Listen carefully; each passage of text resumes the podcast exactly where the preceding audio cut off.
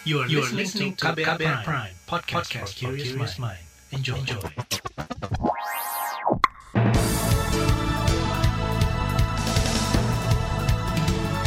Selamat pagi saudara, senang sekali kami bisa menjumpai Anda kembali melalui program Buletin Pagi KBR edisi Jumat 15 Oktober 2021 bersama saya Agus Lukman. Sejumlah informasi pilihan telah kami siapkan, di antaranya Polri akan menghukum anggota pelaku kekerasan pada mahasiswa di Tangerang, Banten. Satgas COVID-19 menyebut pintu masuk wisatawan asing hanya di Bali dan Kepulauan Riau. BNN musnahkan 4 hektar ladang ganja di Aceh. Inilah Buletin Pagi selengkapnya. Terbaru di Buletin Pagi. Saudara institusi kepolisian berjanji akan menindak tegas anggotanya yang melakukan kekerasan kepada mahasiswa di Tangerang, Banten. Kekerasan diduga terjadi saat aksi unjuk rasa di depan kantor Bupati Tangerang dua hari lalu. Kapolres Kota Tangerang Wahyu Sri Bintoro mengatakan kasus ini ditangani tim dari Mabes Polri dan Kepolisian Daerah Banten. Baru sudah kita pertemukan antara uh, pihak NP dan saudara MFA dan sudah ada perdamaian. Namun demikian saya internal tetap kita tidak tegas. Dari Biro Paminal di Propam Mabes Polri juga sudah menurunkan timnya termasuk dari Propam Polda Banten. Kita masih menunggu pemerintah internal nanti akan kita sampaikan lebih lanjut. Kapolres Kota Tangerang Wahyu Sri Bintoro menambahkan divisi Propam Polri juga memeriksa anggota-anggota lain yang menjaga aksi unjuk rasa tersebut. Sebelumnya seorang polisi berinisial NP membanting mahasiswa yang melakukan aksi demonstrasi di depan kantor Bupati Tangerang. Kekerasan membuat korban mahasiswa kejang-kejang dan tidak sadarkan diri. Aksi yang belakangan disebut Smackdown itu viral di media sosial dan menuai sorotan. Saudara seorang mahasiswa dari Tangerang, Banten yang menjadi korban kekerasan polisi, MFA, mengaku tidak bisa melupakan perlakuan aparat kepolisian yang ia terima. Ia mendesak Polri menindak tegas polisi pelaku kekerasan tersebut. Tadinya untuk lupa terhadap kejadian tersebut, tentu saya tidak akan lupa. Dan saya berharap kepada pihak kepolisian terkait untuk melakukan penindakan yang tegas terhadap oknum kepolisian yang memang telah dikatakan melakukan aksi. Korban kekerasan aparat, MFA mengatakan bisa menerima permintaan maaf dari pelaku, namun ia tidak bisa melupakan kasus kekerasan tersebut. Sebelumnya, saudara kepolisian Polres Kota Tangerang menghadirkan pelaku serta korban di hadapan awak media. Saat itu pelaku berinisial NP menyampaikan permintaan maaf. Saudara Komisi Kepolisian Nasional Kompolnas meminta Polri menindak aparat yang membanting mahasiswa saat saat kegiatan aksi demonstrasi di Kabupaten Tangerang, Banten.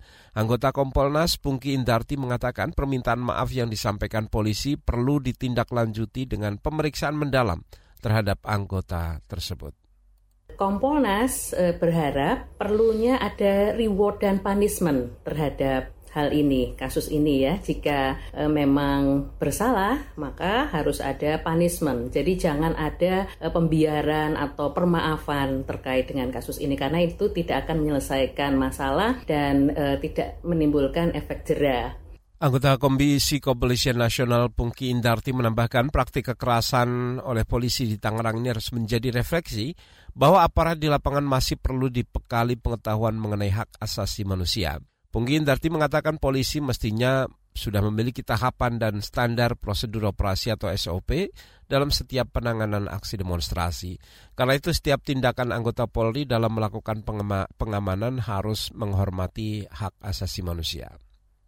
Saudara DPR turut menyoroti aksi kekerasan polisi terhadap mahasiswa yang tengah melakukan aksi demonstrasi di depan kantor Bupati Tangerang, Banten. Wakil Ketua DPR Sufmi Dasko Afmahat mengingatkan agar kejadian ini menjadi bahan evaluasi bagi Polri dalam bekerja, apalagi sikap represif dilakukan polisi kerap terjadi di daerah lain. Jadi kalau aparat yang bersikap humanis itu tidak hanya di Tangerang ya, itu eh, kita himbau dan kita harapkan agar eh, aparat yang di seluruh Indonesia juga bersifat humanis. Ya kan kalau kejadian yang beberapa kali itu kan tidak di satu tempat. Ini kan memang kebetulan di Tangerang. Lalu kemudian ada di beberapa daerah lain yang katanya kan refleks. Wakil Ketua DPR Sufmi Dasko Ahmad meminta Kapolri Listio Sigit Prabowo memberikan penyegaran kepada para anggotanya terkait aturan dan prosedur yang mesti ditaati saat menangani aksi unjuk rasa. Lembaga Swadaya Masyarakat LSM Amnesty International Indonesia menyatakan insiden polisi membanting mahasiswa atau demonstran di Kabupaten Tangerang tidak bisa hanya diselesaikan dengan permintaan maaf saja. Direktur Eksekutif Amnesty International Indonesia Usman Hamid mengatakan aksi membanting peserta demo merupakan penggunaan kekerasan yang berlebihan. Amnesty mendesak pihak berwenang menyelidiki kasus ini secara independen sehingga pelaku bisa diadili. Pernyataan senada juga disampaikan anggota Komnas HAM Muhammad Khairul Anam. Anam mengatakan tindakan kekerasan oleh polisi ini berpotensi melanggar hak asasi manusia dan tidak sesuai dengan prosedur tetap pengamanan dari kepolisian. Komnas HAM mengecam tindakan represif dan kekerasan yang dilakukan oleh petugas kepolisian terhadap aksi demo mahasiswa kemarin yang ada di Kabupaten Tangerang, khususnya eh, apa tindakan men-smackdown salah satu peserta aksi tindakan ini tidak sesuai dengan prinsip-prinsip hak asasi manusia dan tentu saja ini uh, potensial uh, melanggar hak asasi manusia dan juga kami yakin juga potensial melanggar apa namanya uh, protap internal kepolisian. Anggota Komnas HAM Khairul Anam mencatat sepanjang Januari hingga Sep oh, maksud kami sepanjang Januari hingga Oktober tahun ini, Komnas HAM menerima lebih dari 500 pengaduan terkait kinerja polisi. Hampir setengahnya atau lebih dari setengahnya pengaduan ini menyangkut, menyangkut kerja kepolisian yang tidak profesional dan tidak sesuai prosedur. Saudara Wakil Presiden Ma'ruf Amin untuk kali pertama mengunjungi Papua dan berdialog dengan tokoh-tokoh Papua. Informasi selengkapnya kami hadirkan sesaat lagi tetaplah di Buletin Pagi KBR. You're listening to KBR Pride, podcast for curious mind. Enjoy!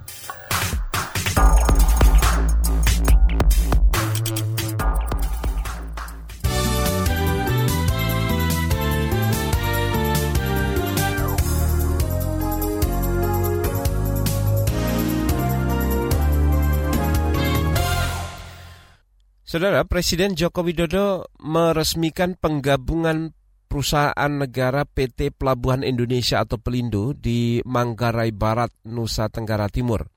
BUMN di sektor pelabuhan ini merupakan peleburan dari Pelindo 1 hingga Pelindo 4, di mana Pelindo 2 menjadi surviving entity atau perusahaan penerima penggabungan. Jokowi berharap langkah ini dapat meningkatkan daya saing Pelindo. Apa yang ingin kita harapkan dari sini? Yang pertama, sekali lagi, biaya logistik kita bisa bersaing dengan negara-negara lain. Artinya daya saing kita, competitiveness kita akan menjadi lebih baik. Yang kedua, saya juga minta agar ini dipartnerkan. Carikan partner yang memiliki networking, memiliki jaringan yang luas Saudara Presiden Joko Widodo berharap produk Indonesia mampu merambah pasar internasional dan masuk rantai suplai global. Penggabungan Pelindo merupakan cita-cita Jokowi sejak tujuh tahun lalu. Wakil Presiden Maruf Amin eh, memastikan pemerintah akan mempercepat pembangunan di Papua. Ia mengatakan itu dalam dialognya dengan tokoh Papua saat kunjungannya ke provinsi itu hari Kamis kemarin. Kunjungan ini merupakan kunjungan perdananya sejak dilantik menjadi wakil presiden pada 2019 lalu. Ada beberapa masalah yang kami bicarakan, diskusikan, dialogkan dengan beberapa tokoh masyarakat, tokoh agama, tokoh adat, tokoh pendidikan, perempuan, dan juga pemuda. Yang pertama adalah menyangkut masalah percepatan pembangunan di Papua, baik melalui Inpres nomor 9 tahun 2020 dan kemudian juga Undang-Undang Undang-Undang Otsus Wakil Presiden Maruf Amin menambahkan pemerintah merancang berbagai langkah yang akan dituangkan dalam Rencana Induk Percepatan Pembangunan Papua atau RIPP3. Kunjungan Maruf ke Papua ini juga untuk mempercepat penanggulangan kemiskinan ekstrim di Provinsi Papua Barat. Beralih ke informasi lain, Satuan Tugas Penanganan COVID-19 menyatakan pintu masuk pariwisata untuk wisatawan asing ke Indonesia hanya melalui bandara di Provinsi Bali dan Kepulauan Riau. Juru bicara Satgas Penanganan COVID-19 Wiku Adhisa Smito mengatakan dalam surat edaran yang dikeluarkan Satgas, turis asing tidak bisa masuk ke Indonesia melalui bandar udara lain. Terkait uh, teknis masuknya wisatawan asing ke Indonesia, nantinya mereka hanya boleh memasuki Indonesia dari Bandar Udara Provinsi Bali dan Kepulauan Riau saja untuk berwisata di dua provinsi ini sebagai dua daerah yang akan menjalankan simulasi protokol kesehatan di bidang pariwisata untuk turis asing. Juru bicara Satgas Penanganan COVID-19 Wiku Adhisa Smito menambahkan turis juga akan dipantau oleh daerah penyangga di dua provinsi tersebut. Pemerintah menetapkan 19 negara boleh masuk ke tanah air untuk berwisata. Penetapan 19 negara ini berdasarkan pertimbangan kasus COVID-19 terkini di negara tersebut. Kita ke informasi olahraga dari ajang Pekan Olahraga Nasional PON Papua. Kasus positif virus corona COVID-19 di wilayah Papua terus bertambah. Juru bicara Satgas Penanganan COVID-19 Kabupaten Merauke, Neville Muskita, mengatakan ada tambahan dua peserta PON yang positif, yaitu atlet sepak bola putri dari Bangka Belitung dan seorang jurnalis. Keduanya positif virus corona saat akan kembali ke daerah masing-masing. Uh, satu atlet sepak bola putri uh -huh. dari Bangka Belitung. Yeah dengan satu wartawan. Yang positif kita evakuasi ke akad ya, tempat isolasi. Kemarin kan 27, tambah ya. ini kan berarti 229. Yang sembuh kan sudah 5 kemarin, 5 eh, sebe eh, 4 sebelumnya, kemudian ah. 5 lagi kemarin. Nah, jadi 9, kemudian hari ini kita ambil lagi yang uh, 9 di isol yang sementara isolasi di akad untuk kita cek ulang. Ya. Juru bicara Satgas Penanganan COVID-19 Kabupaten Merauke, Neville Muskita menambahkan dua orang yang positif itu kini menjalani isolasi mandiri. Berdasarkan data Satuan Tugas COVID-19 Papua, saat ini ada 92 orang dinyatakan positif COVID-19 selama pelaksanaan PON ke-20 Papua. Dari jumlah itu, 38 orang sembuh dan 54 orang lain masih dirawat. Kita informasi mancanegara, saudara militer Myanmar membolehkan utusan PBB dari kawasan Asia Tenggara untuk berkunjung ke negaranya namun tidak diizinkan menemui bekas pemimpin negara itu Aung San Suu Kyi. Juru bicara junta militer Myanmar Zhao Mintun mengatakan penundaan di PBB untuk menyetujui pencalonan duta besar PBB dari pemerintah militer Myanmar bermotif politik. Tun juga meminta PBB, negara-negara dan organisasi lain seharusnya tidak menerapkan standar ganda dalam urusan internasional setelah terjadi kelumpuhan politik dan ekonomi sejak kudeta melanda Myanmar pada 1 Februari lalu. Dan informasi lain, laporan khas KBR akan kami hadirkan di bagian berikutnya mengenai pengawasan dan sanksi bagi pelanggar protokol kesehatan. Nantikan informasinya sesaat lagi tetaplah di Buletin Pagi KBR. You're listening to KBR Pride, podcast for curious mind. Enjoy!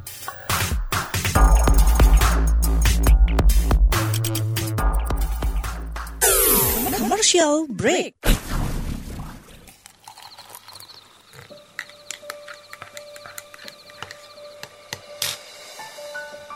Hai, kamu apa kabar? Masih suka menikmati senja dan kopi? Aku masih ingat kebiasaan kita. Sehabis pulang kerja, selalu mencari tempat untuk sekedar ngobrol dan ngopi. Tapi kadang kita kehabisan bahan obrolan. Aku masih melakukan hal yang sama sampai sekarang tanpa harus takut habis bahan buat ngobrol karena aku selalu mendengarkan KBR sore dari Senin sampai Jumat jam 4 sore. Ah, aku rindu. KBR Inspiratif Terpercaya.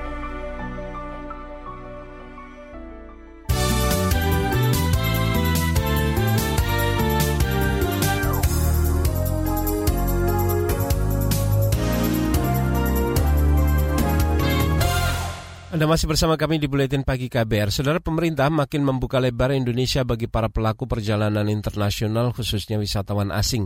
Syarat dan aturan protokol kesehatan diberlakukan ketat termasuk memperlakukan karantina bagi siapa pun yang baru datang dari luar negeri. Namun pengawasan karantina tidak semulus yang dibayangkan, masih banyak pelanggaran aturan karantina. Dan bagaimana pengawasan serta sanksi dari para pelanggar? Berikut laporan khas KBR dibacakan Fitri Anggraini. Penanganan COVID-19 di Indonesia terus menunjukkan tren positif beberapa pekan terakhir. Setelah grafik kasus menurun, pembatasan kegiatan masyarakat makin dilonggarkan. Beragam kegiatan besar mulai mendapat lampu hijau. Begitu juga tempat-tempat tujuan wisata kembali dibuka, termasuk bagi turis asing. Meski begitu, masih ada sejumlah pelanggaran aturan terutama terkait karantina bagi mereka yang positif COVID-19. Saat pelaksanaan Pekan Olahraga Nasional PON ke-20 Papua, ada tujuh atlet yang positif COVID-19 disebut kabur sebelum masa karantina selesai. Hal ini menjadi catatan Kementerian Kesehatan dan langsung direspon oleh Menteri Kesehatan Budi Gunadi Sadikin. Budi menyebut kejadian ini perlu dijadikan pembelajaran untuk event besar selanjutnya. Kami juga mengamati ada tujuh atlet yang sebelumnya sudah teridentifikasi positif berhasil keluar dari tempat isolasi sebelum selesai masa isolasinya. Satu ke Tarakan, dua ke Jambi, tiga ke Sidoarjo, satu ke Jogja. Dan atas arahan Bapak Presiden agar tujuh atlet yang keburu kembali ke kota asalnya sebelum selesai masa isolasinya ini bisa segera dikarantina atau diisolasi di tempat kedatangan. Berdasarkan pengalaman dari Papua ini, PON Papua, kami menetapkan beberapa hal untuk menjadi patokan protokol kesehatan bila kita ingin mengadakan acara-acara seperti ini ke depannya. Yang pertama adalah kami ingin memastikan bahwa Satgas COVID-19 untuk masing-masing event diberikan wewenang yang cukup untuk bisa menerapkan protokol kesehatan. Yang kedua juga arahan Bapak Presiden agar dipastikan semua asrama atau tempat tinggal para atlet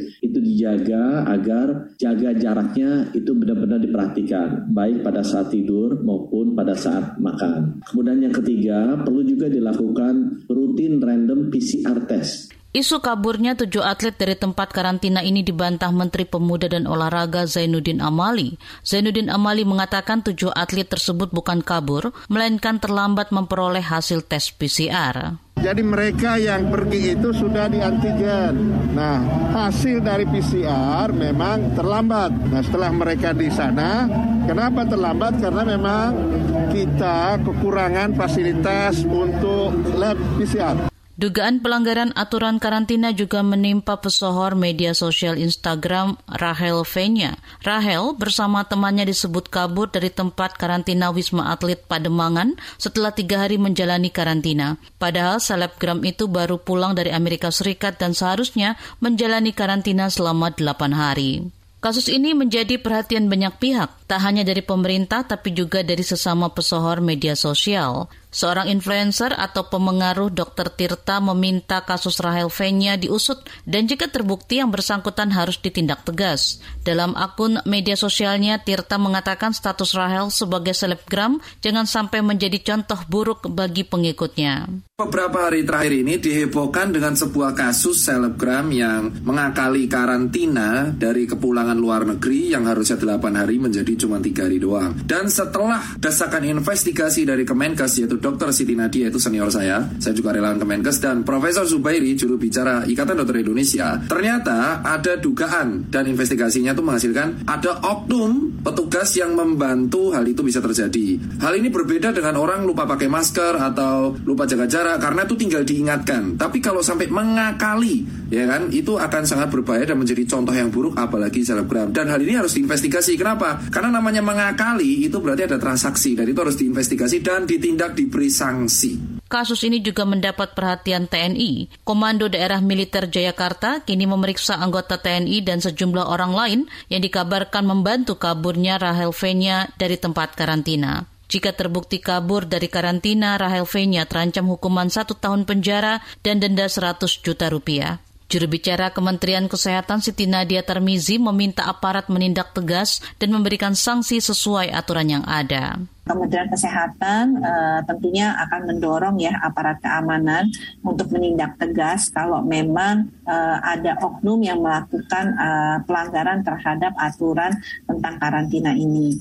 Saat ini Satgas Karantina sedang melakukan penelusuran terkait informasi yang didapatkan ini dan uh, tentunya kita akan menunggu hasil daripada uh, penelusuran informasi tersebut uh, dan uh, tindak lanjut apa yang akan dilakukan ya.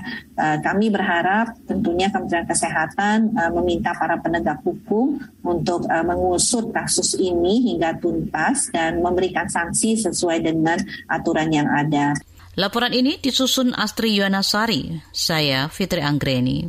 Dan informasi lain akan kami hadirkan sesaat lagi tetaplah di Buletin Pagi KBR. You're listening to KBR Pride, podcast for curious mind. Enjoy!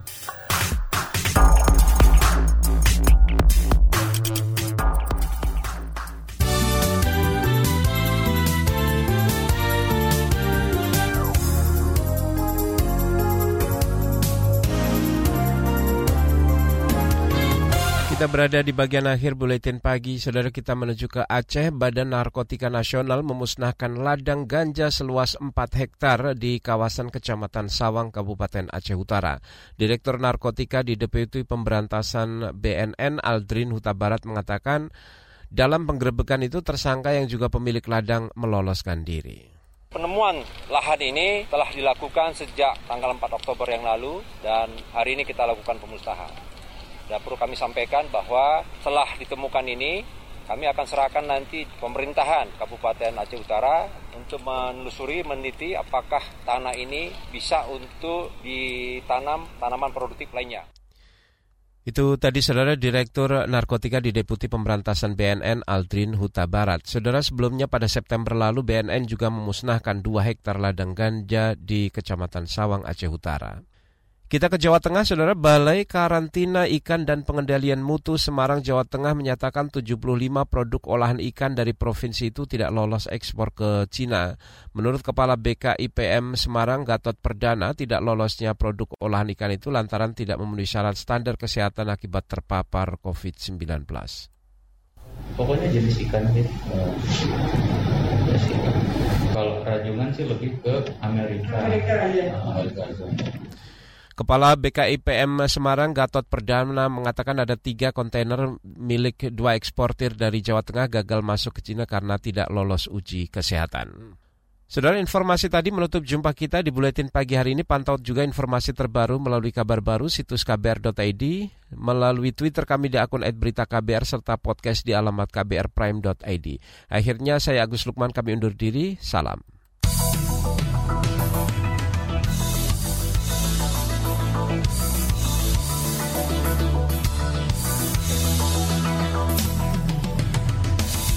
KBR Prime, cara asik mendengar berita. KBR Prime, podcast for curious mind.